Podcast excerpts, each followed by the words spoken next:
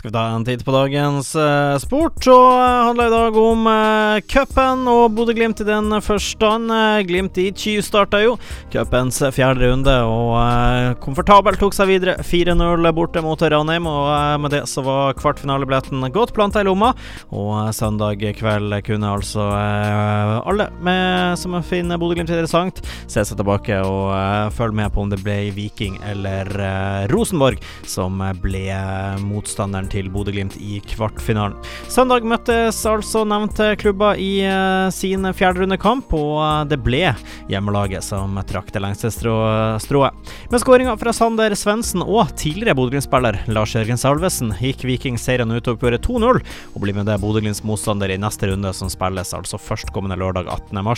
Salvesen ble altså henta fra Glimt så sent som tirsdag, og oppgjøret mellom Viking og Rosenborg var det siste i åttendedelsfinalen Eh. Fra før av så var det altså Bodø-Glimt, Brann, Molde, Stabæk, Sandefjord, Lillestrøm og Tromsø som har sikra seg avansement.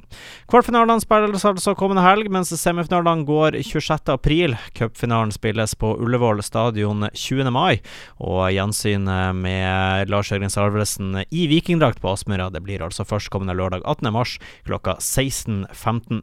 Billetter lagt ut i dag, og du kan klikke deg inn på glimt.no for å få med deg billetter til Bodø-Glimt sin kvartfinalekamp mot Viking på lørdag.